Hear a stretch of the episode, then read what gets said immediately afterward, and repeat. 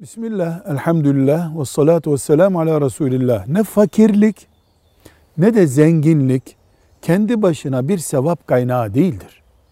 Fakir, fakirliğinden kaynaklanan hayat şartlarını sabırla, sebatla, harama düşmeden, yalana, yalana bulaşmadan, çalmadan, çırpmadan becerip sürdürebiliyorsa fakirlik onun için sevap kaynağına dönüşür.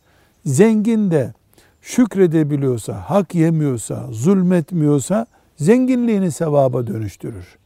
Yoksa ne fakirlik fakir olunduğu için sevap üretiyor ne de zenginlik tek başına sevap üretebiliyor.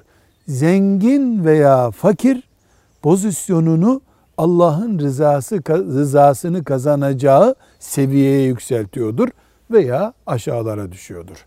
Velhamdülillahi Rabbil Alemin.